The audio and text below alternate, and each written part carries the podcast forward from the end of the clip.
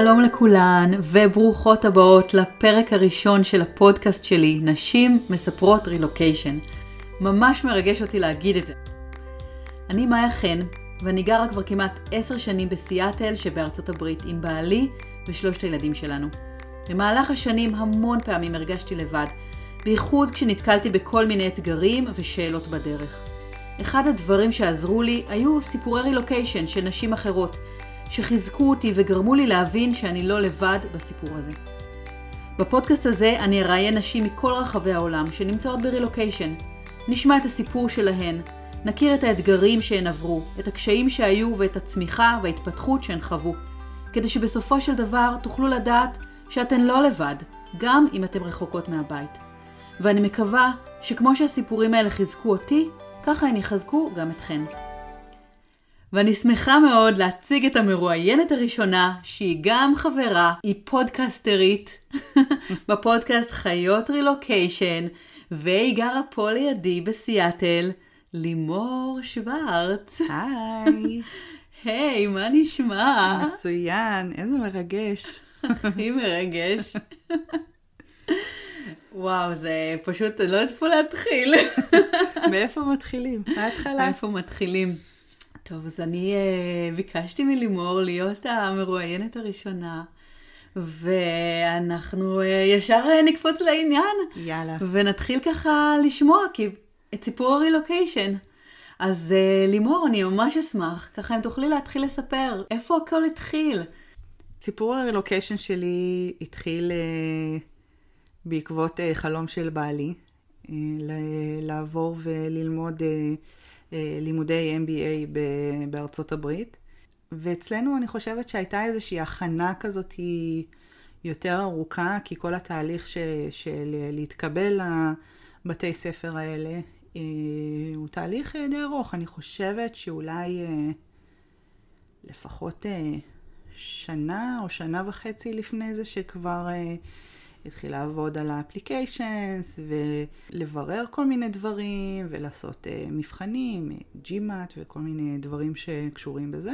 אז הייתה איזושהי הכנה, אבל היא הייתה כזה מאוד על אש קטנה, כי זה כזה כל הזמן עוד לא היה בכלל, ברור שזה בכלל לא הולך לקרות. זה היה מין, uh, קודם כל בוא נראה, בוא נראה, נעשה את זה, נעשה את זה, ולאט לאט זה התחיל להרגיש יותר ויותר אמיתי, עד הרגע שבו בעצם... Uh, קיבלנו את התשובה ש... שהוא התקבל לבית ספר שהוא מאוד רצה, ל-MIT אה, בבוסטון, ואני חושבת שאפילו מאותו יום פשוט התחיל החלום להתחיל להרגיש שהוא מתחיל ומתגשם. ואז עוד עברו להם איזה כמה חודשים של התארגנויות ו- ו- וניסיון לעכל את uh, מה שקורה. ומשם בעצם חלום התחיל uh, להתגלגל ולרקום עור וגידים. ויצאנו למסע הזה. יצאנו למסע הזה אה, עם אה, הבת שלי, שהייתה אז בת שנתיים, וזהו, ונחתנו לנו בבוסטון. דרך אגב, את רצית לצאת לרילוקיישן, או שזה היה ככה החלום שלו ואת הצטרפת? כמה שנים לפני זה, שרק אה, סיימנו את ה... שנינו את הלימודים שלנו באוניברסיטה, אז הוא התחיל גם לדבר על הכיוון הזה, ואז אני זוכרת שעוד היה דיבורים על אוסטרליה, על אירופה, כל מיני, כל מיני כיוונים, ושם עוד לא הייתי מוכנה. אני זוכרת שנכנסתי, אז בזמנו היו, לא היה כזה פייסבוק וקבוצות כאלה, היה את uh, תפוז. בהחלט, זוכרת. ואני זוכרת את כל, ה, את כל ההתכתבויות שם, שבעיקר הם כולם היו כאלה מאוד שליליות, מאוד הבהיל אותי, במיוחד הקטע הכלכלי, כי ממש לא היה לנו תמיכה למקום הזה, ולא באנו, מ, מ, כאילו לא היה לנו איזה שהם אקסטרות או משהו בשביל לנהל את החיים האלה, אז כך שממש לא ראיתי אותנו עוברים, וגם אה, יותר מזה, רק סיימתי את הלימודים שלי. רציתי גם לעבוד, רציתי לעבוד קצת, פחדתי מאוד מזה שאם אני אעבור ורק אה, אה, סיימתי את הלימודים, מי ייקח אותי? איך אני אצליח לשכנע אותם שאני יודעת מה אני עושה, או ש... שהם צריכים לקחת אותי, ואז, בגלל שעוד לא הייתה, היו לנו ילדים, כל הזמן אמרתי, מה, אני, אני אשב כל היום בבית, אטפס על הקירות, בזמן שהוא עובד, ומה, באיזה, את יודעת, דמיינתי את עצמי כזה באיזה חור, ב... כל הזמן אמרתי לו שאין מצב, אין מצב, אני לא מסוגלת לחשוב על זה בכלל. ואז ככה עברו השנים, וזה כל פעם ככה עדיין היה ככה ברקע. אני פרגנתי ופרגנתי. וזרמת. וזרמתי, עד שזה ככה לאט לאט כשזה התקרב, כזה עלו חששות כמובן. וכבר בשלב הזה, בניגוד לכמה שנים לפני, לפני כן, אחד כבר עבדתי, שתיים, היה לי ילדה. Mm-hmm. אז מצד אחד אה, זה מפחיד יותר, מצד שני זה גם אה, איזשהו מקום כזה של, כאילו, אני לא, אני לא לגמרי לבד.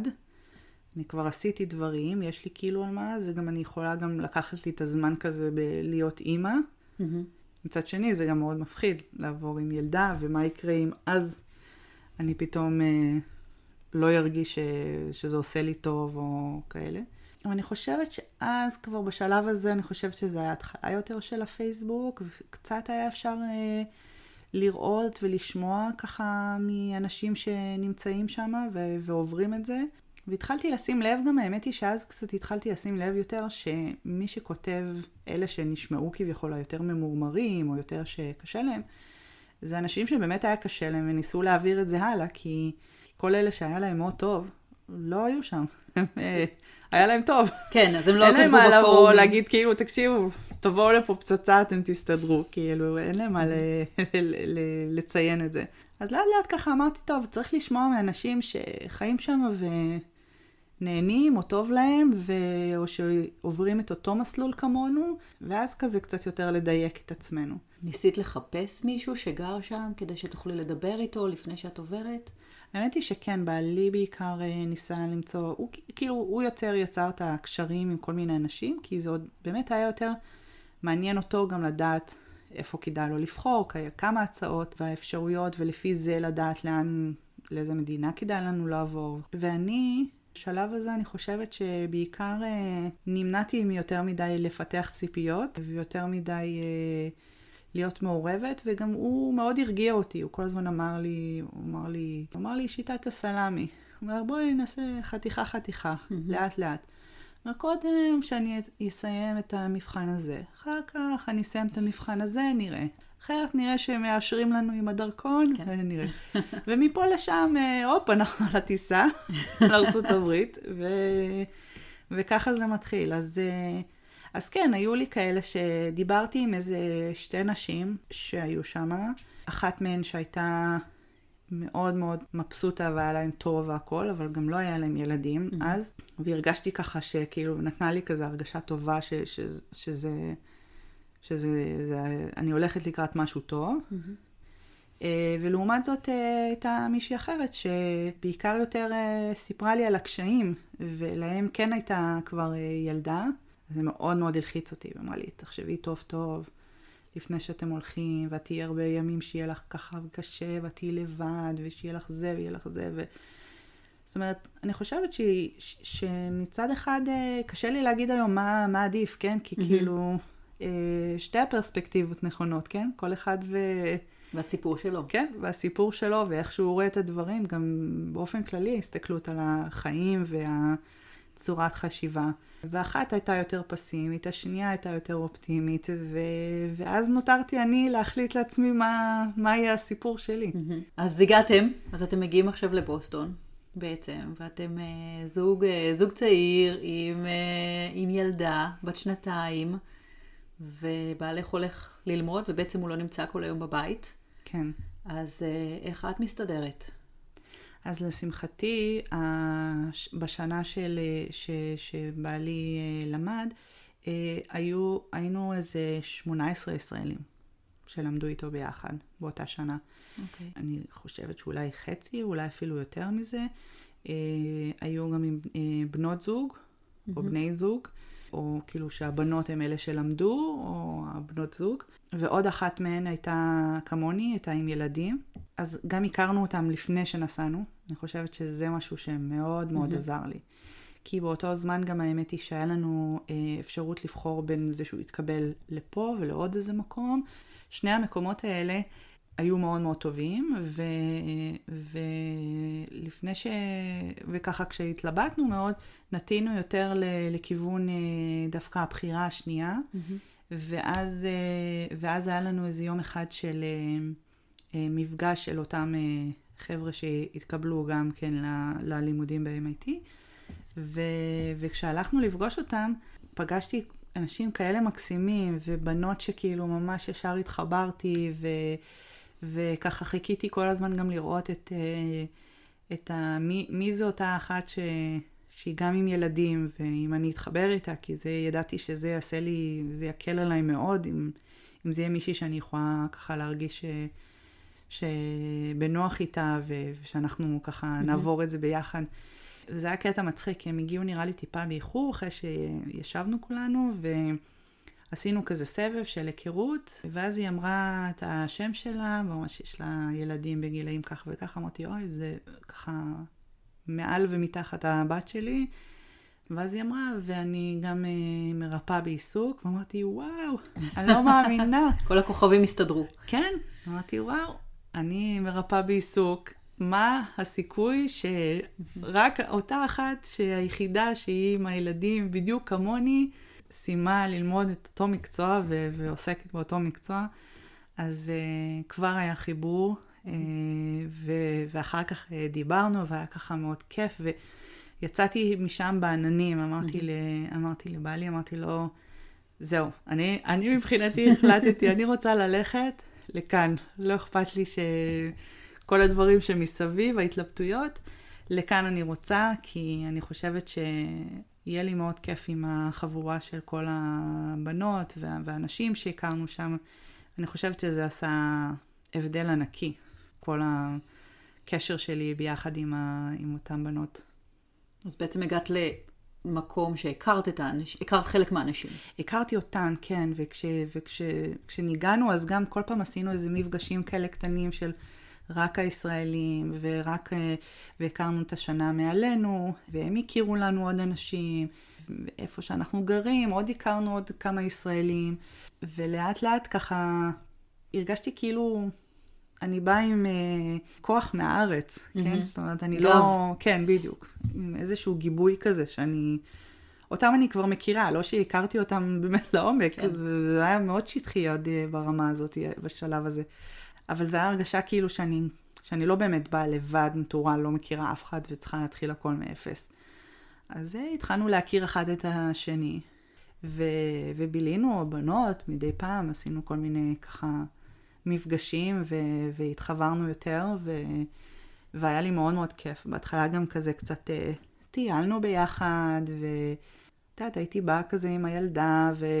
אותי נפגשתי עם החברה השנייה שהיא עם הילדים הם באותו, בגילאים, וגם הם הסתדרו, וזה היה כזה באמת אה, נחיתה יותר רכה מהבחינה הזאת. זה נשמע ככה. כן. איזה אתגר את זוכרת שהיה בשנה הזאת, בשנה הראשונה? אני חושבת שדבר ראשון, אנחנו הגענו, עם כל זה שהיינו ככה מאוד אה, מגובשים ביחד, היה, הבית ספר היה ליד אה, מעונות, אה, בניין כזה גדול של אה, מעונות בעיקר של זוגות נשואים, ו, ומעט מאוד גם משפחות. ו, והיה מעונות רחוקים יותר שהם היו מעונות של משפחות, רק mm-hmm. משפחות. ואנחנו גרנו במעונות הרחוקים יותר מה... עדיין בקמפוס, אבל רחוק מה, מהבית ספר של, ה... של, של בעלי. וגם אותה משפחה, וגם כל הזוגות האחרים גרו קרוב לבית ספר. אז כאילו הרגשנו תמיד כזה שאנחנו ה outsider mm-hmm. בקטע הזה, ו- וזה היה כזה כזה מבאס לפעמים, כי הם יכלו כזה להיפגש, והם יכלו לעשות את הדברים יותר בקלות, ונגיד הם uh, סיימו באיזה הפסקה משהו לעשות, אז uh, הבעל היה יכול לעלות למעלה ולהיות עם הילדים ולאכול איתם, ו... ולחזור אה, לבית ספר, אה, ובעלי לא יכל לעשות את זה. Mm-hmm. אז ככה הייתי לבדי עם, אה, עם הבת שלי, ובשלב הראשון גם לא היה לה עוד אה, גן, לקח איזה כמה חודשים עד שהיא נכנסה לגן.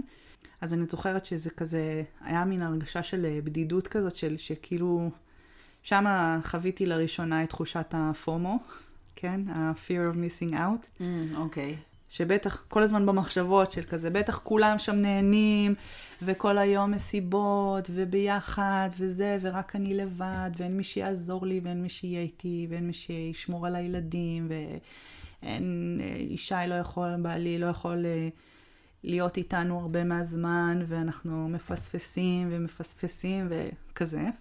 ולקח לי זמן עד שקלטתי שיש לי גם יתרון גדול, שגרתי באזור של אה, מעונות של אה, משפחות, והכרתי מלא משפחות מרחבי כל העולם, mm-hmm.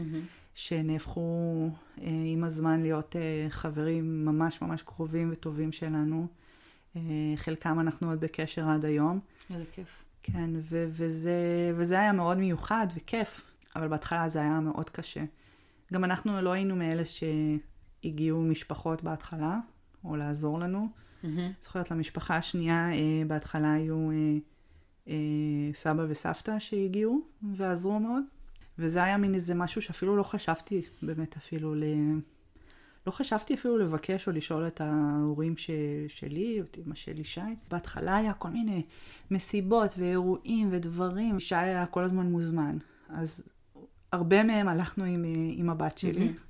הבת שלי בילתה איתנו בהרבה מסיבות עד, אה, עד הלילה, עם כל האנשים המבוגרים והכל. חלק זה עזר מאוד ל networking, וחלק זה היה מאוד קשה. כן, כי איפה מוצאים בייביסיטר כן, באמצע מעונות אה, סטודנטים. כן. ואני זוכרת את המשבר, ה... הנקודה הראשונה, שממש כזה, אפילו אה, ככה בכיתי כזה עם עצמי, הייתה ש... היה באמת איזשהו אירוע כזה על איזה ספינה כזאת מפוארת, ש... לא, האירועים שם בדברים האלה זה משהו, זה מהסרטים. אז זה באמת היה נראה כמו בסרטים. ובעלי אמר לי, זה כזה, זה מין משהו כזה לפני זה של, כן, יש איזה מסיבה, משהו בזה, וצריך להתלבש כזה עם, אה, עם כאילו ממש, עם אה, לבוש, אה, עם חליפה וכאלה. אז אמרנו, וואי, טוב, אני, אין לי מה לעשות, אני לא מכירה כאן אף אחד, אני לא יכולה שאף אחד ישמור על הילדה, כי אני צריכה מישהו שמבין עברית. כן. היא לא תשחרר אותי, אין מצב שתשחרר אותי בדבר כזה. איפה אני עכשיו אמצא, כאילו בכלל לא התכוננתי בכלל למצב כזה. כאילו שהתכוננת לשמלת נשף. נשף, כן. איכשהו עוד אני יודעת, כן, לא יודעת, הייתי אולי איכשהו מצליחה למצוא איזשהו משהו, אבל, אה, אבל לתחושה הזאתי, שאני יושבת בבית, ואני יודעת ש... שהלכו, ואני יודעת ש... את יודעת, נגיד אפילו אני חושבת שעם עם, עם אותו זוג חברים עם הילדים, הם הלכו במקרה, כי באמת הסבא וסבתא אמרו להם, הנה, אנחנו נשמור, תלכו, יאללה, תהנו. יכולת לבקש מהסבא וסבתא שישמרו כן, גם לא, על הילדים. זה לא באמת היה, זה לא, את יודעת, זה לא היה כזה נעים, זה עוד לא כזה, לא מרגישים כזה מספיק בנוח mm-hmm. בהתחלה. גם לא ידעתי שוב, גם אם היא בכלל תשתף פעולה, גם אני לא רציתי לעזוב אותה. כן. אמרתי, מה, אני אעזוב בשביל... כי הייתה קטנה. כן, אני אעזוב בשביל מסיבה, אז היא, את יודעת, הילדה הראשונה שלי, קטנה, אה, מבחינתה היא צמודה אליה, אנחנו רק עברנו למדינה אחרת, mm-hmm. לא מכירה אף אחד, כן. לא, לא, לא יכולה לעשות את זה. ו...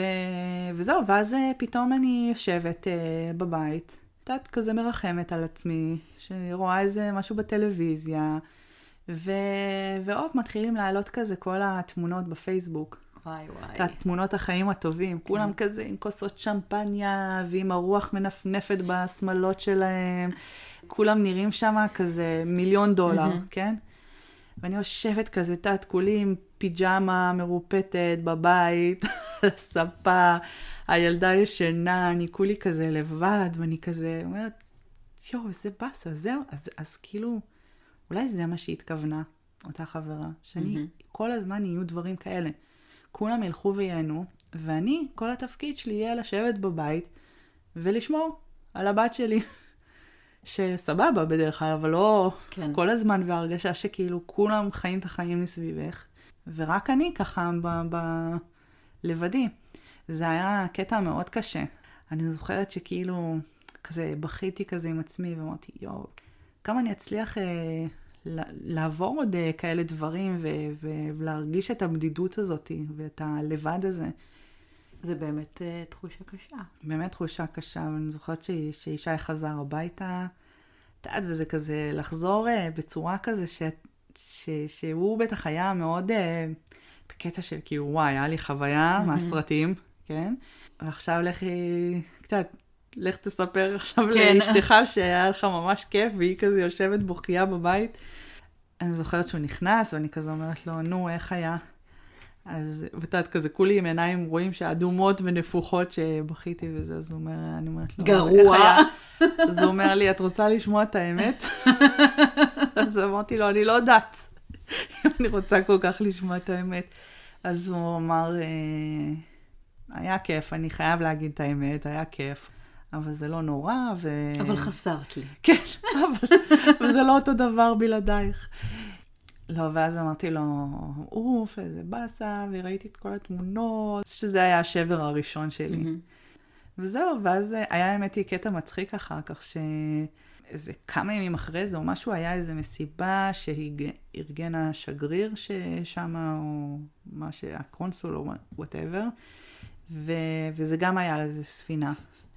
ואז הוא אמר לי, את יודעת מה? היום זה שלך, תלכי את. אז אמרתי, טוב, כולי עפתי על זה, כן? מתארגנת, מתלבשת וזה, קובעת עם החברים, מגיעים כאילו לנמל, סירה עלובה, את יודעת כזה עם אוכל כאילו לא לא, משהו, הכל. כזה, זה מעפן כזה, זה אירוע לא, את סליחה, אני מתנצלת בפני השגריר הוא שומע אותי, אבל, אבל זה לא, זה היה כאילו כלום לעומת, את יודעת, זה הכל ההשוואה, כן, זה לא שזה. היה באמת, אה, לא יודעת אם זה היה כזה גרוע כמו שאת יודעת, זה לא היה כזה, הקולות, התמונות, אה, את יודעת, כן. שמפניות ושמלות ערב וטוקסידות. אז זה היה מין איזה קטע כזה של אוף, אוף, אני בסוף קיבלתי את המשימה הפחות כיפית. אני חושבת שאחר כך איכשהו למדנו לאזן בין האירועים שרצינו ללכת, אם זה היה שהיינו מגיעים ביחד עם הבת שלי, ואז באיזשהו ש... שלב אני הייתי חוזרת איתה הביתה, והוא היה ממשיך אה, עם חברים או עם כל מיני אנשים שהוא הכיר שם, ולמדנו כאילו באיזשהו מקום שככה, אני עדיין יכולה ליהנות מזה, גם אם אני לא עד הסוף, מהמם. ואני לא בתחושה של אה, הפסד גמור. אבל המצחיק הוא שעם הזמן זה, זה פתאום כאילו, נראה לי כאילו, מה, מזה עשיתי כזה סיפור, את. שנה אחרי זה כבר... פרספקטיבה של החיים. כן, כן. שנה אחרי זה כבר שאני כן יכולה ללכת לכל הדברים, זה כבר לא מעניין אותי. אבל בהתחלה זה היה נדמה כאילו, זה... ברור. השמיים נופלים. תגידי, את אמרת שהגעת וכאילו הכרת, היו שם הרבה אנשים חדשים, אה, אמריקאים, בטח mm-hmm. מכל העולם בבניין הזה. אז כן. את זוכרת ככה איך התחלת בכלל לדבר איתם? זאת אומרת, מה היה הדבר הראשון, או הטריגר הראשון שעזר להתחיל אה, איזשהו אה, שיח? במקרה שלנו זה היה גן ביקשת השעשועים. סוכר? לא, גן השעשועים. המבנים של, ה, של המגורים שלנו היו כמו מין איזה מלבן כזה, שבאמצע שלו אה, יש גן שעשועים. כמו הרבה מקומות, הילדים, זה הדבר שהכי ככה עוזר לתקשר. הילדים משחקים, או גם אם לא משחקים ביחד, אבל ליד. ואז אני אומרת, אה, נעים מאוד, אני זה, מה אתם עושים, איך קוראים לכם, איזה בניין אתם גרים, מה, אתם, מה, מה, מה את עושה, מה בעלך עושה, איך קוראים לילד, ילדה. אה, ו, ואחר כך, אה, כשהיא נכנסה לגן, אז אה, ההורים מהגן, וזה אחר כך אה, playdate ים. וזה אומר שיזמת. אה, יזמתי, כן, יזמתי הרבה. קודם כל, אני חושבת ששם אולי הקטע הקל היה להתחבר, הוא מה, מהסיבה הזאת שכולם באים שם באותו מצב. כן. כולם באיזשהו מקום זרים ועברו לשם, גם אם הם אמריקאים, אז אולי הם לא עם שוק תרבות, אבל הם, אה, הם גם מחפשים אה, אה, חברה. חברה.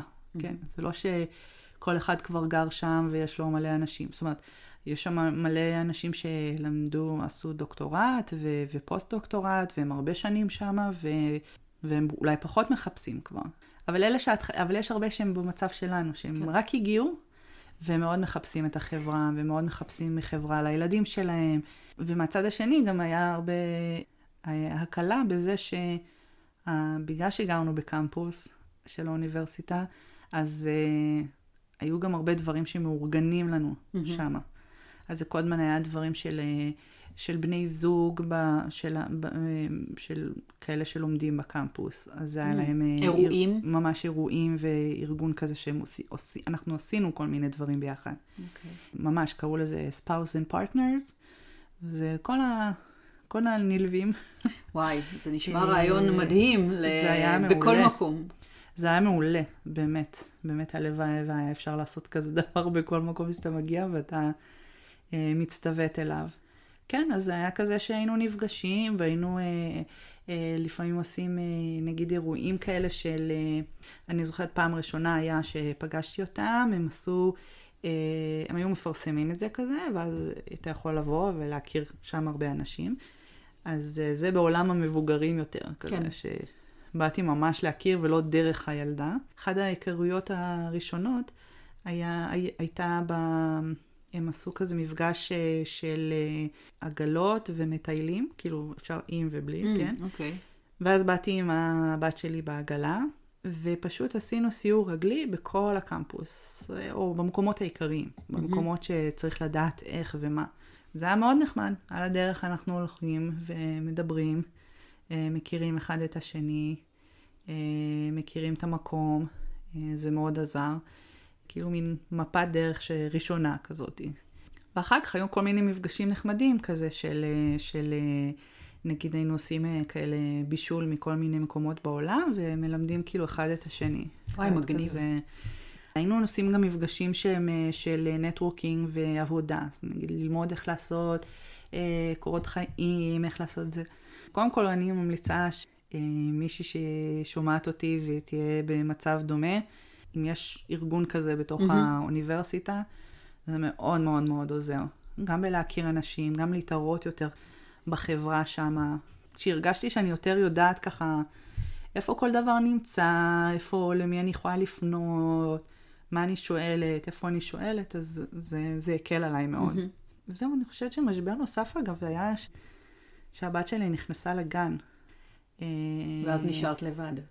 מאוד מאוד פחדתי מאיך היא, איך היא תסתדר. אוקיי. קודם כל כי היא, הייתה כזאת מאוד מאוד צמודה אליי, במיוחד אחר כך גם שגם עברנו מדינה, גם uh, הייתה איתי כל הזמן בבית, וגם uh, זה היה גן חדש שבנו אותו, והגיעו אליו uh, מלא ילדים, שאני חושבת שאולי 90% מהכיתה שלה היו ילדים שלא דוברים uh, אנגלית.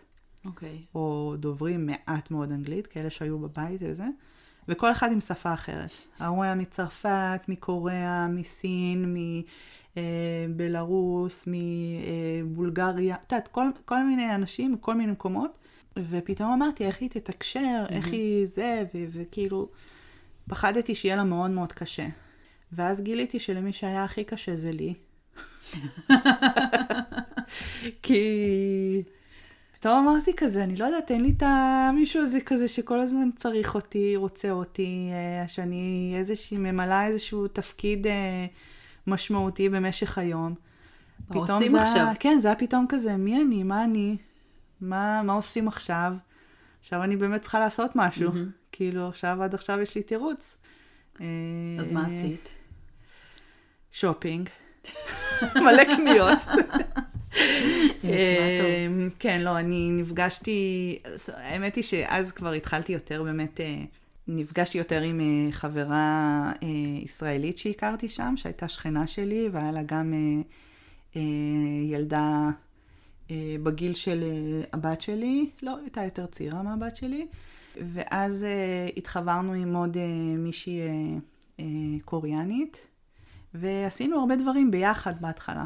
כל הזמן היינו בבילויים כאלה של uh, כיפים, והיינו מסתובבות ומטיילות, והולכות ל- למקומות לאכול, ונמצאות ביחד, ומכירות עוד נשים ועוד uh, אנשים. והזמן הזמן עבר מהר ובכיף, כאילו היה ממש כיף אז. ולאט לאט ככל שגם הבת שלי יותר uh, ככה הסתגלה בגן, והרגישה יותר בנוח. את יודעת, יצרנו יותר קשרים עם, עם הילדים בגן ועם המשפחות, ו- וגם איתם לעשות playdate ים וכאלה. מכירים יותר ויותר אנשים, מפה לשם יש כבר כאילו המון המון אנשים ש, מהמם. ש, שאת מכירה, ו- ואז לאט לאט זה... יש את השלב הזה, אני חושבת, אולי בכל רילוקיישן, שאני כזה צוברת לעצמי אה, מכל מיני אה, סוגים ומקומות אנשים שהם חברים. את יודעת, היה לנו כאילו מהרבה כיוונים. היה את החבורה הישראלית שלנו, mm-hmm. היו את החבר'ה שלומדים אה, עם אה, בעלי, אה, היו את המשפחות האלה של ה... של הילדים בגן, היו את כל המשפחות שמסביב למעונות שלנו וזה. לאט לאט צובר המון המון המון המון, ואז מתחיל הקטע שזה מתחיל לרדת. מתחיל mm-hmm. לדייק אותם. כן. מתחיל את אלה קצת פחות, את אלה היה נחמד, אבל פחות זרם. עם אלה בוא נזמין אותם עוד פעם, עם אלה בוא נצא איתם לטייל, ולאט לאט אה, זה מתחיל יותר אה, להתגבש למי האנשים שלך או האנשים שכיף לך להיות איתם. האם הייתה לך את האפשרות לעבוד בעבודה מחוץ לבית? כי אני תמיד אומרת שגם עבודות הבית הן עבודה אה, בפול טיים ג'וב, אבל אני מדברת על עבודה שבעצם אה, משלמים לך. לקחו כמה חודשים ומבחינת ויזה יכלתי לעבוד, אבל אני לא חושבת שהייתי, לא הייתי במצב שאני, שאני רואה איך אני מצליחה אה, להיות אה, ממש פול אה, טיים בשביל אה, הבת שלי בבית, ועוזרת לה, ולהסתגל בעצמי, שהיא תסתגל וכולי. וזה שרוב הזמן, אה, ואני צריכה, כאילו, באנו בשבילו, צריכה לתמוך בו בלימודים שלו וב... כל הדברים שהוא עושה ושהוא צריך לצאת, וגם גם כל האירועים האלה, שבהתחלה זה קשה לתפוס את זה, אבל כל האירועים האלה, שכל המסיבות כביכול וזה, הרבה מהם הם אירועים שהם פרופר גם בסופו של דבר אמורים להוביל אותך לנטוורקינג ול, ולמצוא עבודה. Mm-hmm. זאת האירועים האלה הם המקומות שאתה צריך לעשות רושם, ואתה צריך לדבר עם אנשים ולעשות את כל, ה, את כל ה mingling וה networking. אה, כמו שעדי פעם, אה, עדי אשכנזי אמרה, networking, mingling ו ass-licking. זה כזה, זה בערך מה שאתה צריך לעשות. אתה צריך ללכת ולהתחבר אה, שם עם האנשים הנכונים ו- ו- וליצור את הקשרים הנכונים. זה עבודה, כן. זה עבודה בפני עצמה, זה כאילו נראה כיף, כי הם באמת הולכים לכל מיני מקומות סופר שווים, רואים ו- ושומעים אנשים סופר uh, מיוחדים ו...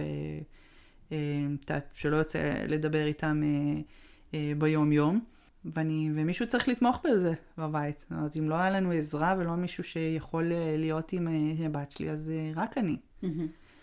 אז, וגם רציתי באיזשהו אופן. רציתי באיזשהו אופן. אז הייתי עוד בשלב כזה שבגלל שבארץ, אז קודם כל, אז בארץ באמת ציינתי שלמדתי ריפוי בעיסוק, mm-hmm. ועסקתי בזה גם בארץ. וממש איזה חודש, חודשיים לפני שעברנו, הם uh, שינו בדיוק את, החוק לגבי מי יכול לעסוק בזה, כאילו עם, עם התואר ש, שאני עשיתי, תואר ראשון, uh, ובעצם uh, יצא מצב שאני לא אוכל לעשות רק את הבחינת uh, רישוי שלהם, אלא אני צריכה לעשות, אה, לחזור הרבה על התואר הראשון שלי, לעשות תואר שני ולחזור הרבה על הדברים האלה, ואז אה, לגשת לבחינת רישוי. והדבר הזה, אמרתי, טוב, אני לא יודעת כמה זמן אנחנו הולכים להישאר פה, mm-hmm. ואני לא יכולה עכשיו גם להתחיל לימודים, גם לא מבחינה כלכלית וגם לא מבחינה של מי יהיה עם הבת שלי ו- ו- ו- ולתמוך בבעלי, ש- ששם אנחנו מכוונים את uh, מרבית המאמצים. אז כאילו בכלל לא חשבתי לכיוון הזה, אז אמרתי, טוב, אז את זה אני לא יכולה לעשות, אז מה אני יכולה לעשות? אני בינתיים אעשה דברים אחרים שאני נהנית לעשות אותם. אז עשיתי כל מיני דברים קטנים, וניסיתי הרבה, האמת היא, בשנה הראשונה, לעבוד אה, בעוד אה, כובע שחבשתי, שזה היה ליווי התפתחותי והדרכה של אה, עיסוי תינוקות. אוקיי. Okay. אז לזה היה לי תעודה בינלאומית, ו- ויכלתי לעסוק בזה. אממה, אני הייתי בטוחה שאני מגיעה לשם ואנשים יחטפו אותי. זה לא מה שקרה. אני חושבת שלא לקחתי בחשבון את זה שרובם היו תפרנים מסביבנו. כולנו באנו שם סטודנטים, אה, אנשים שזה, ואף אחד לא רצה יותר מדי להשקיע, אה, אם זה ברמה הפרטית. אה, ואם זה ברמה של מעבר לזה, לא הייתי ב mindset של, ה, של, של עבודה בארצות הברית. כאילו הייתי ב mindset עדיין של, של להתקבל לעבודה כמו בארץ. היית בטוחה שאתם באים לשנה, שנתיים וחוזרים? לא, ידעתי שלא. Okay. קודם כל ידעתי ש... ידעתי שאנחנו נהיה חייבים, לפחות, זאת אומרת, לפחות מבחינת מה שבעלי, אה, אה, כל החישובים שהוא עשה לפני זה, הוא אמר לי, תקשיבי, מבחינת מה שאנחנו, אה, כל ההלוואות שאנחנו ניקח, ואנחנו לפחות נצטרך משהו בסגנון החמש שנים אחרי התואר, וואו. כדי להחזיר את ההלוואות האלה. זה רק כדי להחזיר את ההלוואות, כן, ומאז וואו. להתחיל. ו- לשמחתי זה לקח פחות, אני חושבת שזה לקח שלוש שנים, וידענו שאם אנחנו נחזור לארץ, זה יהיה מאוד קשה להחזיר את ההלוואות האלה, מהמם. ועוד לחיות, כאילו, במ- במצב הכלכלי בארץ. אז, אה, אז, אז, אז ידעתי ש, שאנחנו לא פה רק בשביל אה, שנתיים של מהמם. הלימודים, אבל גם כל הזמן הייתה לי איזה מין מחשבה כזאת של כאילו, כן, אנחנו נהיה שנתיים, אחר כך אנחנו נהיה עוד ככה וככה שנים. היה לי גם מאוד ברור שבעלי לא, לא ייתן לזה להגיע למצב שנגיד אני מאוד אסבול, מהמם. ואני ארצה לחזור לארץ, והוא יגיד אה, לא. כאילו מבחינתו היה, תמכת, הלכת איתי כל הדרך ל- לדבר הזה, ו- ואם, כאילו, אם את לא תהיי שלמה עם זה, אז מבחינתי זה לא שווה את הזמן שלנו. לשמחתי לא יצא לנו לבדוק את זה יותר מדי, כן. כי באמת אה, ככה כל הזמן החיים המשיכו והרצון להישאר ולהמשיך לעשות את הדברים ש... ש... שהוא רצה להשיג, שאני רציתי להשיג, אה, לא פסקו. אז אה, לא הגענו לשלב אה, זה. זאת אומרת, לאורך הדרך, ברור שיש שלבים כאלה של כאילו, אוף, נמאס לי, קשה לי, לא בא לי כבר יותר, אולי בעצם נחזור, אולי זה. עולות השאלות האלה כל הזמן, מהמם. כל הזמן. כל השנים האלה. כולל השנתיים של הלימודים, עם כל הכיף שהיה שם, היו הרבה רגעים של, של מחשבות של כאילו, כן, האם נמשיך אחר כך, אנחנו כן רוצים, לא רוצים. במיוחד שכל פעם שיש נקודות יציאה כאלה, כן. יש אה, נקודות כאלה של סיום התואר, אה, מעבר למקום חדש, בעיות בוויזה, אז כן, לא. בדיוק לפני שהיא נכנסת לכיתה א', בדיוק לפני שהיא עוברת לקינדר.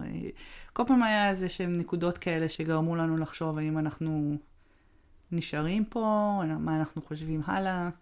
אז בסוף כן הצלחת לעבוד בשוק האמריקאי? כן, זהו, זה לקח באמת הרבה זמן, ומשהו שכבר לא חשבתי שיקרה בסופו של דבר, כי הגשתי קורות חיים, ולא ידעתי שאני צריכה כזה לנדנד, ושאני צריכה להמשיך ולעשות פולו-אפ וכאלה. חשבתי שהיא לא רצתה כל כך אה, ליצור איתי קשר, או לא נראה לה כל כך, ו... מי זאת ההיא? מי שהגשתי אליה את הקורות חיים שהמליצו אוקיי. לי להגיש אליה. ואז בסופו של דבר פגשתי את אותה אחת שהמליצה, אז אמרתי לה, "אה, את יודעת, היא לא חזרה אליי, נראה לי שזה כבר לא ילך, וזה, אז היא אמרת לי, לא, תחזרי אליה, תעשי פולו-אפ, תעשי זה. לא הכרתי את כל החוקים האלה של מה, מה צריך לעשות. אך המצחיק הוא שזה בסופו של דבר הגיע למצב שעבדתי כבר שהייתי בסוף הריון שני, שאת השבוע האחרון שעשיתי שם את המפגשים של הניסוי תינוקות, אז שבוע אחרי המפגש האחרון שלנו אני ילדתי. וואו. אז כך שהייתי ממש כבר בסוף ההיריון, וזו פשוט הייתה הזדמנות שהיה חבל לי לפספס, והחלטתי ללכת על זה. בשאר הזמן אה, עשיתי דברים ש- שלא הרווחתי עליהם אמנם כסף, אבל. הם היו מאוד בלעבוד, אה, זה, זאת אומרת, זה דברים יותר חברתיים, שזה... עשיתי כזה ליווי של אה, אימהות, אה, moms and moms to be, זה עוד היה בשנתיים של בוסטון. אוקיי. אז בואי נתקדם קצת uh, קדימה. אז נגמרו השנתיים של בוסטון. יש לנו עוד הרבה רילוקיישנים לדבר עליהם. אז בואי תגידי לי ככה, מה קרה אחרי השנתיים? אז אחרי השנתיים האלה עברנו לסיאטל, בעקבות uh, הצעת uh, עבודה של, uh, שבעלי קיבל, ובסיאטל אחרי משהו כמו כמעט אמצע, אמצע סוף שנה, ידענו שהוויזה שלנו עומדת לה, להסתיים, הוויזת סטודנט, ויש כל מיני, לא ניכנס לזה מן הסתם, Mhm. אבל uh, יש כל מיני ויזות אחרות, ש... וחלק מהם אה, שאנחנו היינו מהם לא, לא קיבלנו אותם. המקום עבודה של אה, בעלי, מייקרוסופט, אמרו לו, טוב, אז בואו, עד שנסדר לכם את העניין הזה של הוויזות, תצטרכו לצאת מגבולות ארצות הברית, לפחות לשנה. ואז פתאום התחיל לעמוד על הפרק עוד פעם, שאלת ה... אז רגע, מה עושים עכשיו?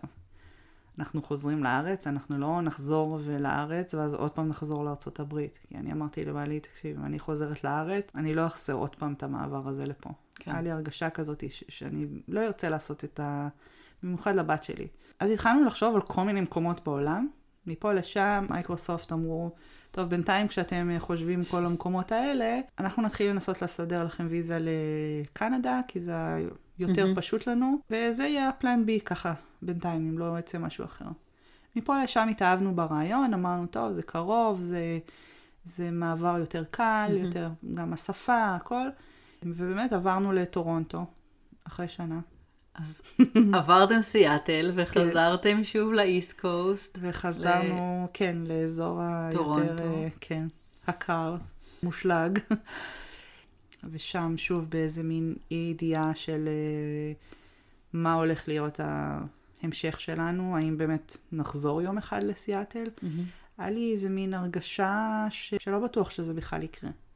שאולי גם נתאהב בכלל בחיים שם ונרצה להישאר שם. והיה טוב, אבל לא היה, לא היה לנו אותו טוב כמו שהיה לנו פה. ולשמחתנו, אחרי שנה, mm-hmm. קיבלנו uh, ויזה uh, שיכלנו לחזור איתה לארצות הברית. uh, ולאזור סיאטל, שהוא עדיין עבד באותה, באותו מקום עבודה, uh, וחזרנו לפה ו... לפני שלוש וחצי שנים, אז אנחנו... ומאז אתם פה. כן, זהו, ומאז אנחנו פה. לבינתיים. וואי, זה נשמע המון המון מעברים. כן. ומעברים זה לא משהו פשוט לעשות. אולי כן. כולם באותה שפה, אבל עדיין אה, זה כל פעם למצוא מקום חדש וחברים חדשים, ואיפה קונים נכון. ואיפה סופר, אז איך, אה, איך התמודדת עם זה? זאת אומרת, מה עזר לך? אני חושבת ש... קודם כל לא, לא סיפרתי לפני זה, אבל uh, גם הייתי ילדת רילוקיישן. אז זה עוד איזה מעבר.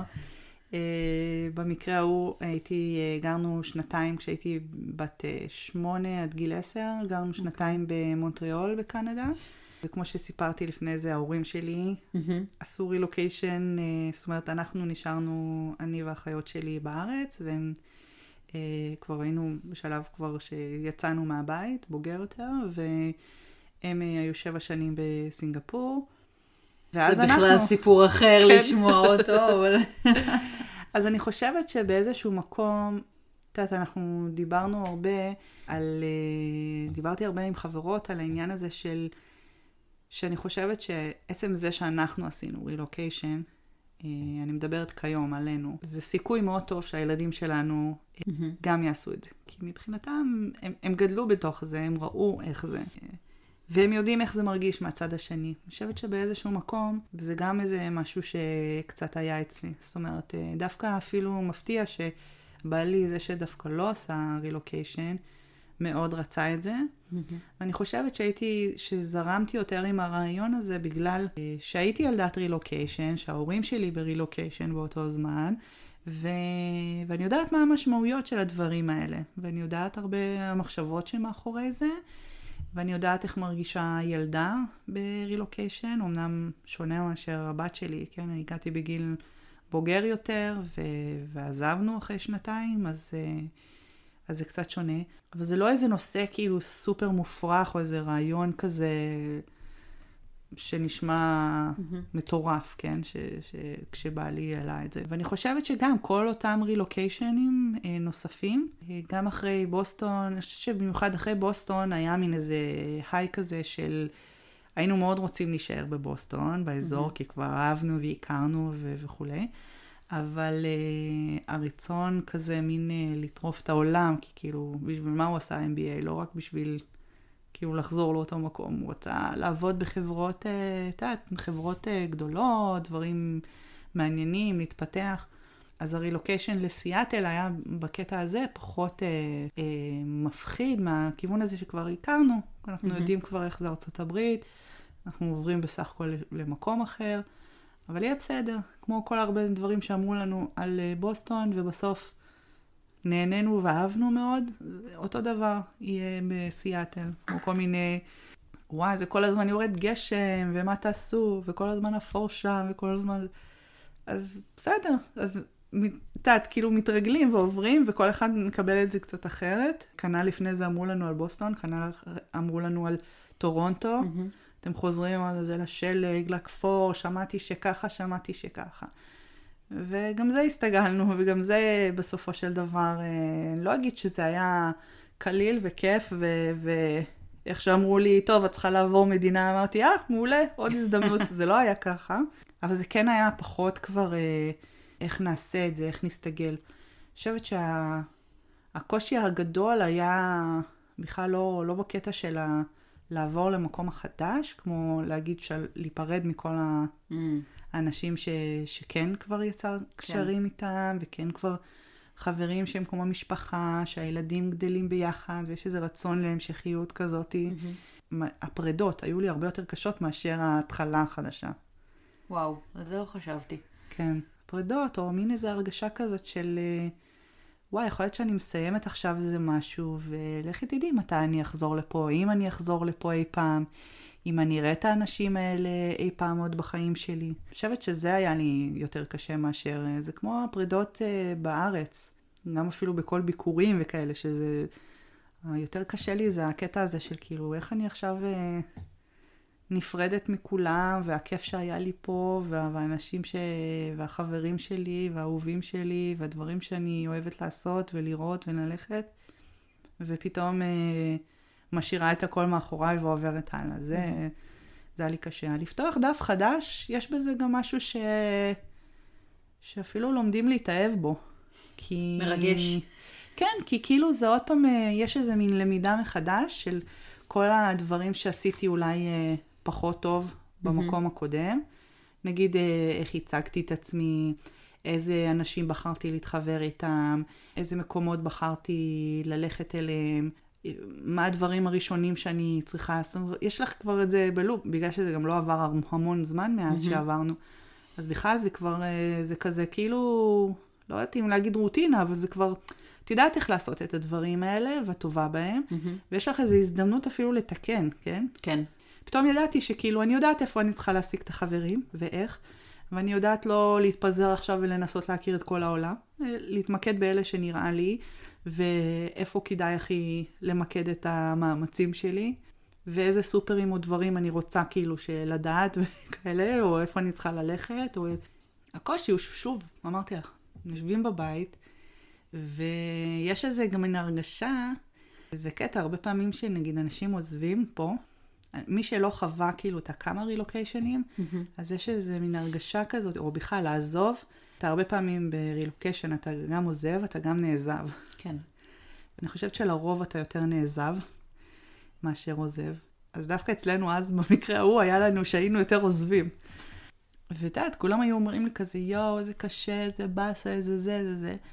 אבל אני הרגשתי כזה כל פעם של כאילו, כן, אבל אני עוברת, ואתם עכשיו אה, ממשיכים את חייכם, כאילו שום דבר לא השתנה חוץ מ... נכון, אנחנו לא נהיה פה, אולי נחסר לכם, אבל זה יהיה איזה מין משהו קטן.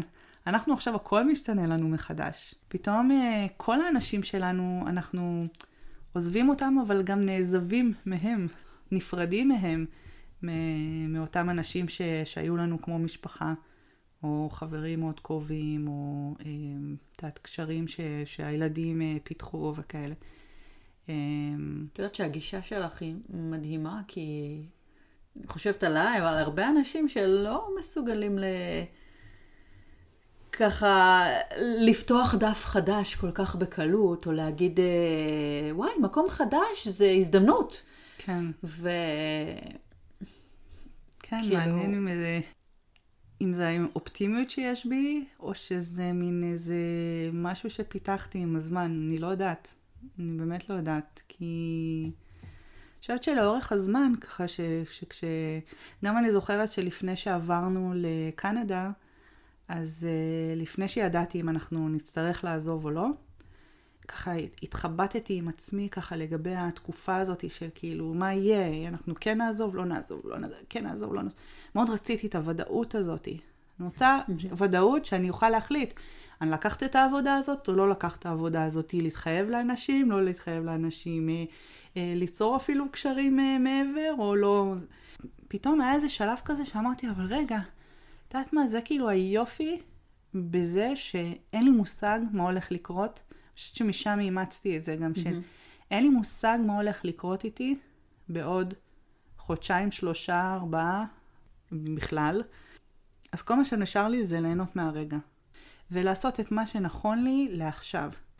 טוב, אז בואי נגיד שעכשיו אנחנו בסיאטל. כן. הגענו לסיאטל. וככה, מה את אוהבת באזור? אני מתה על הירוק פה, ואני מתה על האנשים פה, והאווירה פה. אני מאוד אוהבת את הקהילה פה הישראלית. לא יודעת, יש איזה משהו כזה באווירה שהוא רגוע, שהוא כיפי. יכול להיות שזה, את יודעת, זה גם שאלה של איפה זה תפס אותי מבחינת הרילוקיישן שלנו, אבל זה, כאילו תמיד היה לי כזה רגוע וכיף כאן. אה, שאלה שמעניינת אותי, האמת, ביחס לזה שהיית גרת גם בבוסטון, גם בטורונטו, גם פה. כן. ביחס לקהילה, האם את יכולה להגיד ככה, האם יש לך איזשהו, האם את מרגישה איזשהו הבדל בין הקהילות השונות, בין בוסטון לסיאטל, לטורונטו? כן, האמת היא שכן. בבוסטון יש קהילה ישראלית מאוד מאוד גדולה, ואני חושבת שאחוז די גדול של האוכלוסייה הזאתי הם אה, אקדמאים, את יודעת, כל מיני אנשים שבאו שם ל...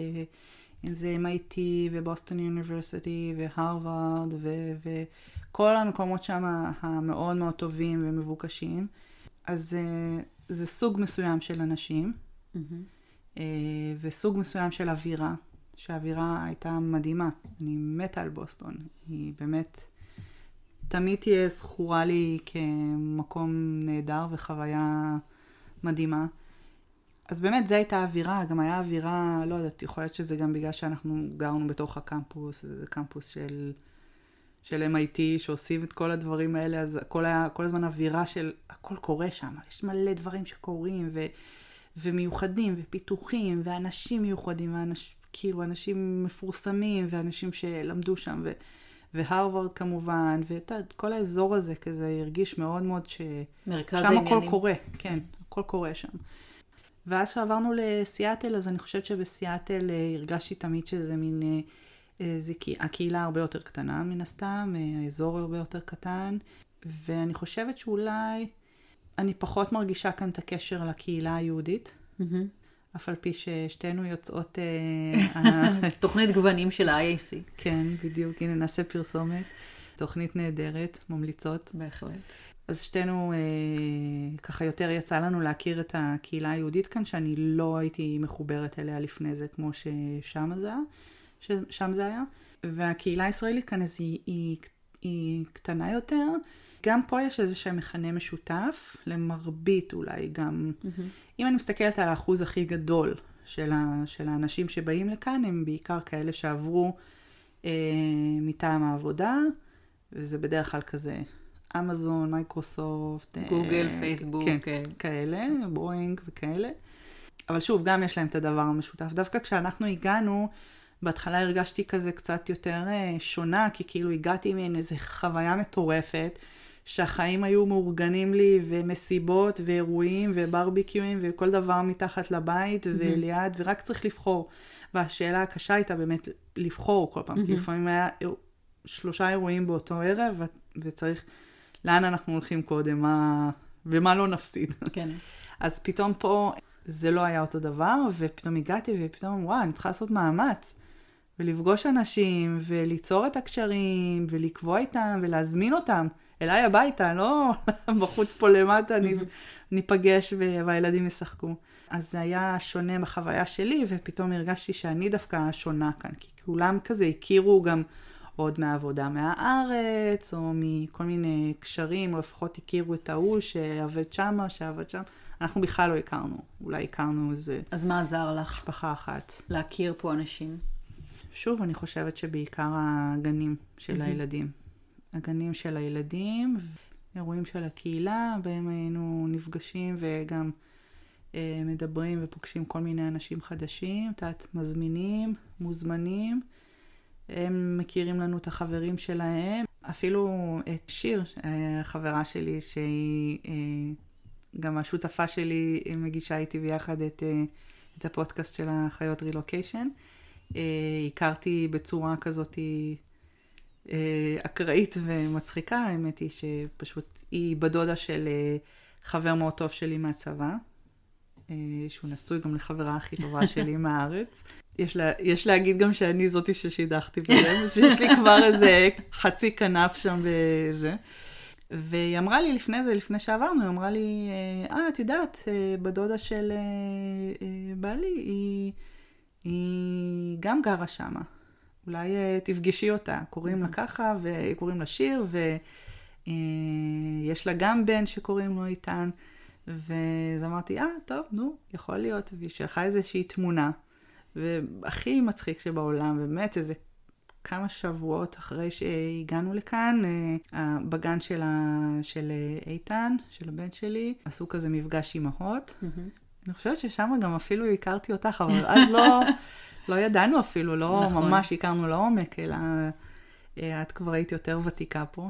הגענו, ואיך שהיא יצאה מהאוטו, אני אומרת לה, את שיר, נכון? אז היא אומרת לי, כן, כאילו, מי את שנחתת עליי פתאום? אה, גם היא הייתה חדשה בגן, ושני האיתנים שלנו היו התינוקות היחידים שם אז בגן, אז זה היה נחמד כזה, והתחלנו לדבר, ומפה לשם גילינו על, אה, על הקשר שבינינו. מדהים. אז זה היה מאוד נחמד. כן, ומשם זה התפתח. meant to be. כן, לגמרי. מאז שאני, מאז כל הרילוקיישנים האלה והחיבור שלי לכל הנושא הזה, אני מאוד מאוד רוצה תמיד לעזור לאנשים ש... שמגיעים וחדשים. Mm-hmm. אני יודעת איך ההרגשה הזאת היא. אז אני מנסה להקל מתי שאני יכולה, אם יש אנשים ששואלים ומגיעים ואני רואה שאפילו או ילדים בגילאים, או שהם מחפשים איזשהו משהו שאני אומרת, אני יכולה מאוד לעזור להם, אז אני אה, משתדלת אה, לענות ו... ו... ולעזור. וקרה שאיזה זוג ששאל אה, גם איזה שאלות אה, לגבי גנים, ובגלל שגם עבדתי פה כגננת באחד המקומות, כתבתי להם שהם מוזמנים אה, לכתוב לי בפרטי, ו- ואני אשמח מאוד. אז הם שאלו שאלה, כתבתי להם בפרטי, ואמרתי להם, תקשיבו, תשאלו אותי מה שאתם רוצים, תשאלו אותי כל שאלה שנראית לכם הכי מטומטמת בעולם, באמת, אני נשבעת שאני לא אשפוט אתכם, אני יודעת איך זה. בהתחלה, לפעמים יש שאלות mm-hmm. של אה, צריך להביא מג"ב, צריך להביא סמרטוט, צריך להביא כאלה שאלות, תשאלו הכל, שום דבר לא מטופש, אני מוכנה לענות על הכל ו- ואני אשמח לעזור לכם. ומפה לשם איכשהו הקשר שלנו אה, התהדק, וממש עזרתי להם בכל שלב, ככה שהם... אה, הם אה, מצאו בית מרחוק, אז הלכתי וצילמתי להם את הבית ככה, לראות שהם יראו, כאילו יעשו איזה הכנה גם לבן שלהם. ואז ככה, כשהם, אה, לפני שהם הגיעו, גם היה איזה קטע שהיה להם עם הטיסה ובעיה, והמשפחה שהייתה אמורה לבוא איתם לא יכלה להגיע, וברגע האחרון, בשדה תעופה, ילד בן שלוש, לא שלוש, אפילו היה פחות מזה נראה לי, ותינוקת בת חודש. וואו. ופתאום אי אפשר להעלות גם את ההורים שהיו אמורים לעזור. זה ממש היה לי רחמים עליה, ו... ואמרתי, אל תדאגי, אתם תגיעו לפה והכל יהיה בסדר, נעזור לכם כמה שצריך, ואם תרצי נביא לכם, נעז... ניקח את הילדים, נעשה בי... מה שתרצו, אנחנו כאילו פה בשבילכם. באמת, אני לא יודעת, משהו בחיבור הזה יצא ככה ממש משמיים, והיה לנו ממש ממש כיף, והם חברים טובים עד היום. אחר כך ככה גם הזמנו אותם מראש השנה, ועוד איזה יום שישי, ועוד איזה, ולאט לאט גם המשפחות אה, התחברנו. אה, ואמרתי תקשיבי, אחד הדברים לדעתי מאוד חשובים בהתחלה, בואי אני אעשה לך סיור בסופרים. Mm-hmm. נראה לך איפה קונים, מה אני קונה, איפה הדברים שככה, שאנחנו מאוד אוהבים. אה, גם לפני זה הייתי שולחת לה כזה כל מיני סדר של מה הסופר הכי יקר, מה הסופר הכי זול, איפה הדברים שיותר אני קונה, פחות. אה, אז אמרתי, יאללה, בואי בכיף, ניפגש לקפה, נעשה סיבוב בסופר, נראה לך את הדברים. ועשינו, ובמהלך הסיבוב הזה, האמת היא, אני לא יודעת אם את זוכרת, אבל גם פגשנו אותה. אני זוכרת. אמרתי לה, בואי, תכירי, זאת uh, מאיה, היא גם ישראלית פה, ודיברנו, והיה כיף, אני זוכרת שגם... Uh, אמרת לה שהיא מוזמנת אה, גם לשאול, ו- וזה כאילו כזה הכי אקראי כזה, כן, בסופר. והסיפור המצחיק הנוסף בדבר הזה הוא שכמה ימים לפני זה ראיתי איזו הודעה של מישהי אחרת שכתבה שהיא שאלה משהו על הבית ספר שהבת שלי הולכת, היא רצתה לשאול איזה כמה שאלות, ו... ובעלי ענה לה mm-hmm. בפרטי, ואז הוא סיפר לי על זה, הוא אמר לי, אולי תצרי את הקשר, תעזרי לה, אה, תתני לה עוד פרטים. אמרתי כן, וזכרתי ככה את התמונה שלה בפייסבוק, ו... ופתאום אני רואה אותה ככה עוברת בסופר, ואז אני אומרת לה, את נטע, נכון? ואז היא אומרת לי, כן. ככה, אמרתי לה, אתם חדשים פה, נכון? אז היא אומרת לי, כן, איך ידעת? כאילו, אני איזה סטוקרית. שיר, נטע. כן, כולה. יש לי זיכרון צילומי טוב, יש להגיד. ואז uh, אמרתי לה, טוב, היא אומרת לי, כן, אנחנו בדיוק בעלי כאן נפגש, אנחנו מחפשים uh, בית, ואני בדיוק עושה סיד, סידורים, אז אמרתי לה, בואי, את מוזמנת להצטרף לסיור. uh, ומפה לשם עשינו עוד איזה סיור, החלפנו טלפונים, והחלטנו שניפגש. Uh, וצירפתי עוד מישהי שאני ידעתי שהיא בערך איזה שנה לפני זה הגיעה, וגם הייתה יחסית, הרגישה יותר חדשה. ומפה לשם זה צמח כזה עם כמה חדשות וכמה זה, וככה אה, נעשינו חבורה כזאת, ופשוט היינו נפגשות כל הזמן, ו- והולכות לכל מיני מקומות ביחד, ו... והיה לנו תענוג וכיף וחברות טובות עד איזה היום. איזה כיף. עד עצם היום הזה. מדהים, איזה יוזמה מדהימה. כן, זה, זה מסוג הדברים שגם כשאתה פותח את, את הלב שלך ואת הרצון שלך לעזור לאחרים, זה פשוט בא אליך בחזרה, תמיד. באמת. אני, אני מאוד מסכימה. אני אשמח אם תוכלי לספר לי איזה פעילות אחת שאת uh, גאה בה, שקרתה לך בזכות הרילוקיישן. אז אה, זהו, האמת היא שכמו שסיפרתי, זה משהו ש...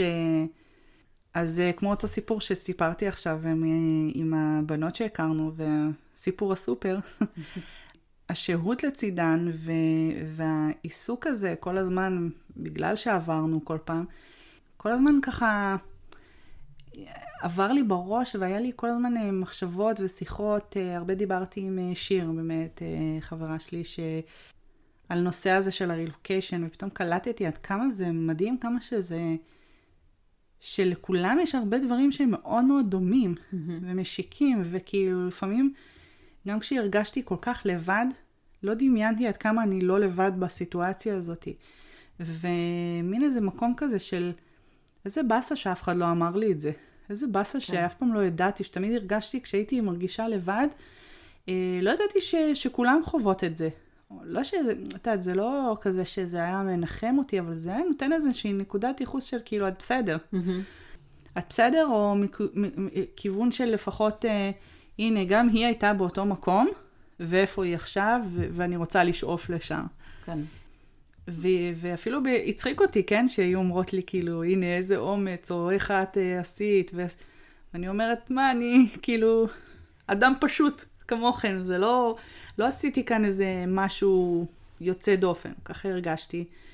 אז ככה, הדבר הזה ככה העסיק אותי הרבה בתקופה ההיא, mm-hmm. במיוחד בשהות עם, ה- עם אותן חברות שהיו בשנה הראשונה שלהם לרילוקיישן. Uh, פתאום התחילו לחזור אליי כל הדברים האלה ש... שכבר הספקתי לשכוח מהרילוקיישן הראשון, כי הרילוקיישנים האחרים הם היו קצת שונים. Mm-hmm. ההלם הכי גדול הוא, הוא היה מעבר מישראל אה, לארצות הברית. המעבר הראשון. כן. המעבר uh, בתוך ארצות הברית הוא פח, הכי פחות שוק, ו, וביניהם כזה המעבר uh, לקנדה. אוקיי. Okay. אז יום אחד, אז uh, אני ושיר, uh, יש לנו נטייה ככה להיפגש ולדבר המון שעות. ובאחת הפעמים שחזרנו, אז אה, בעלי ככה, זו הייתה תקופה שהיינו גם, אה, עסקנו הרבה ב... לשמוע כל מיני פודקאסטים, והרבה בנושא של חשיבה חיובית ו-well-being, ו... וגם כשהיינו מדברות, הייתי מספרת לה על כל הדברים האלה שהן חוות, והיינו ככה מדברות, כל אחת על החוויה שלה, של איך זה היה אה, וגם זה עוד יותר הדהים אותי לגלות עד כמה שזה באמת, זה מדהים, כאילו כל אחד איך יש לו את הפרספקטיבה השונה אה, לאורך הנקודות מסוימות ברילוקיישן. Mm-hmm. ובאחת הפעמים שחזרנו ככה מאוחר, אז בעלי ככה אומר לי, וואי, אתן מדברות על כל כך הרבה זמן אה, ועל פודקאסטים וכל מיני, תעשו בעצמכם פודקאסט. ואז אמרתי לו, כן, לא, אנחנו לא... ואז הוא אמר לי, לא, אני רציני, תעשו פודקאסט, לפחות uh, תעשו משהו עם כל השיחות והמפגשים שלכם. ככה צחקנו מזה, וממש שללנו את זה ישר. ומאז איכשהו זה ככה נשאר לי במוח כל הזמן ככה... כן. אה, נזרע הזרע. כן, לגמרי נזרע הזרע, ועבר איזה כמה זמן, ואז אני זוכרת איזה יום אחד, אני בתור, בדרייב-ת'רו לסטארבקס, ואני חושבת לעצמי בראש כזה, מה, הייתי יכולה לעשות פודקאסט כזה? כאילו, לדבר, אבל מה יש לי... מה יש לנו לדבר שכאילו היה מעניין אנשים אחרים לשמוע? או מה אני הייתי רוצה לשמוע אם, אם, אם היינו מדברות עליו? לא סתם השיחות שלנו של בין חברות, וחופרות ומדסקסות על דברים. Mm-hmm. לא יודעת כמה זה יעניין מישהו. Uh, פתאום אמרתי, וואי, האמת היא שאנחנו כל הזמן מדברות על העניין הזה של הרילוקיישן. וזה משהו שאני אומרת, לא לכולם יש את זה. לא לכולם יש את זה ב... ב... לא בכל מקום יש לך קהילה מאוד תומכת, לא בכל מקום יש לך בכלל קהילה. לא בכל, בכל מקום יש אה, ישראלים שיכולים לעזור, או אה, אנשים מספיק שאתה יכול להתחבר איתם ו- ו- ולעבור את זה איתם ו- ולאבד את כל הדברים האלה או לדבר איתם. ויש דברים שגם הייתי אפילו רוצה לדעת לפני. אז אמרתי, טוב, אולי באמת זה נושא שאפשר לדבר עליו, אולי רילוקיישן זה נושא המשותף לי ולה, ואנחנו מדברות על זה מלא. אז בואו נעשה מזה אולי פודקאסט. ואמרתי, טוב, עכשיו אני צריכה לחשוב איך אני מוכרת את זה לשיר. אז העליתי את הרעיון בפניה. וזה לא השיג תגובה מיידית של אה, רצון. יא, ו... בטח, כן. עכשיו נקפוץ למים. כן, ו... היא לא, גם לא זה משהו שכל הזמן אמרה, הנה אני עכשיו, זה הדבר שאני הכי רוצה לעשות, היו דברים אחרים ש... שהיא תכננה. וככה אמרתי לה, את יודעת מה? תחשבי על זה. תחשבי כמה אנשים את יכולה להגיע אליהם, כמו שאני רוצה להגיע לכל אותם אנשים שמרגישים בודדים וקשה להם, ולהקל עליהם באיזשהו אופן את, את הסיפור שלהם, את המחשבות שלהם, את הדרך שלהם ברילוקיישן. גם את תוכלי להשפיע על האנשים אה, ולעזור להם עם הדברים שאת רוצה, התכנים שאת רוצה להעביר. ו... ויותר מזה, בואי ננסה. מה יכול לקרות? Mm-hmm. במקרה הכי גרוע, היה צחוקים וכיף, ועשינו חוויה אה, מיוחדת שעברנו, ו... וניפרד. ונמשיך לדבר, נמשיך לחפור עד אור הבוקר במקומות אחרים. אז היא אמרה שהיא תחשוב על זה, ולאט לאט ככה אמרתי, טוב, הנה, בואי, קניתי מיקרופון, בואי ננסה. אז uh, ניסינו, ו... וככה נולד הפודקאסט. וככה נולד הפודקאסט. נהנינו כל כך, ופתאום זה החזיר אותנו ככה לכל אותם רגעים של ההתחלה, של, של אמצע, של היום. Mm-hmm. וזה באמת משהו שאני ככה, אני מאוד מאוד גאה בו, ומאוד uh, נהנית לעשות אותו. זה עוזר גם לי, ואני יודעת שזה עוזר להרבה אנשים אחרים, וזה מה ש... זה הדלק שלי. להמשיך ולעשות את זה. אני בהחלט יכולה להמליץ על הפודקאסט הזה. תודה. נותן המון המון מידע, וכיף לשמוע אתכם מדברות. כן, תודה. אז, אז תודה לכם. איזה כיף. טוב, תראי, אה, לקראת הסוף, אז אה, אני חשבתי לעשות איזושהי פינת השאלה הזהה. אז ככה שכמה דו, אה, שאלות כאלה שישראלים שחיים בישראל שואלים הרבה פעמים אנשים שמגיעים לרילוקיישן. ומעניין אותי ככה במילה, בשורה, מה התגובה שלך. אז דבר ראשון, אה, אני חושבת שעל זה כבר ענית, מתי אתם חוזרים? מתי שנחזור. Okay. מתי אוקיי. שזה יתאים. מה את עושה שם כל היום? בעיקר נהנית. נשמע טוב. כן. אני חושבת, ש... אני חושבת שזה משהו שצריך בכל מקום, אבל... אה, את לא מתגעגעת למשפחה? בטח שאני מתגעגעת. מאוד מתגעגעת. ובימים אלו אה, עוד יותר.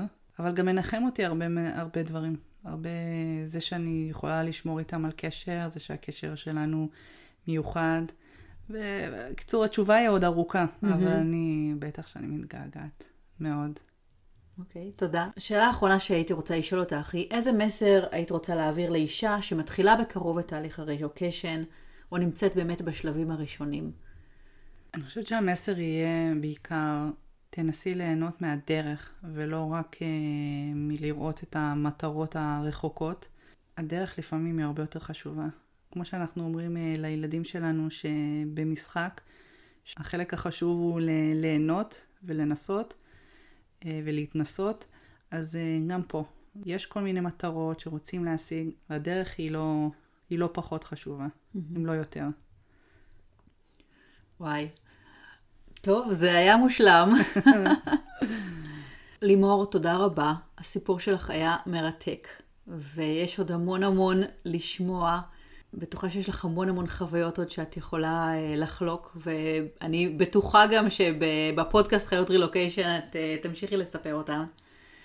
ובאמת, המון תודה שהיית המרואיינת הראשונה שלי. איזה כיף לי, תודה שהזמנת אותי. ואנחנו אה, נתראה בסיפור הבא, בסיפור רילוקיישן הבא, ושיהיה לכם ביי. ביי ביי. ביי. ותודה רבה לכן, המאזינות הנפלאות והיקרות, שהקשבתם לפרק הראשון של הפודקאסט שלי, נשים מספרות רילוקיישן. אני מאיה חן, ואני אשמח אם תצטרפו אליי לפרק הבא. ובינתיים אתן יותר ממוזמנות לעקוב אחריי בבלוג שלי 20 דקות מסיאטל. או לשלוח לי אימייל ל-maya.relostories@gmail.com, ואני אשים את הקישורים בתיאור הפרק. חוץ מזה, תוכלו למצוא את הפודקאסט בכל אפליקציות הפודקאסטים, ואני אשמח אם תירשמו כמנויות, כלומר תלחצו subscribe, כדי לקבל עדכונים על כל פרק חדש ישר למכשיר הטלפון שלכן.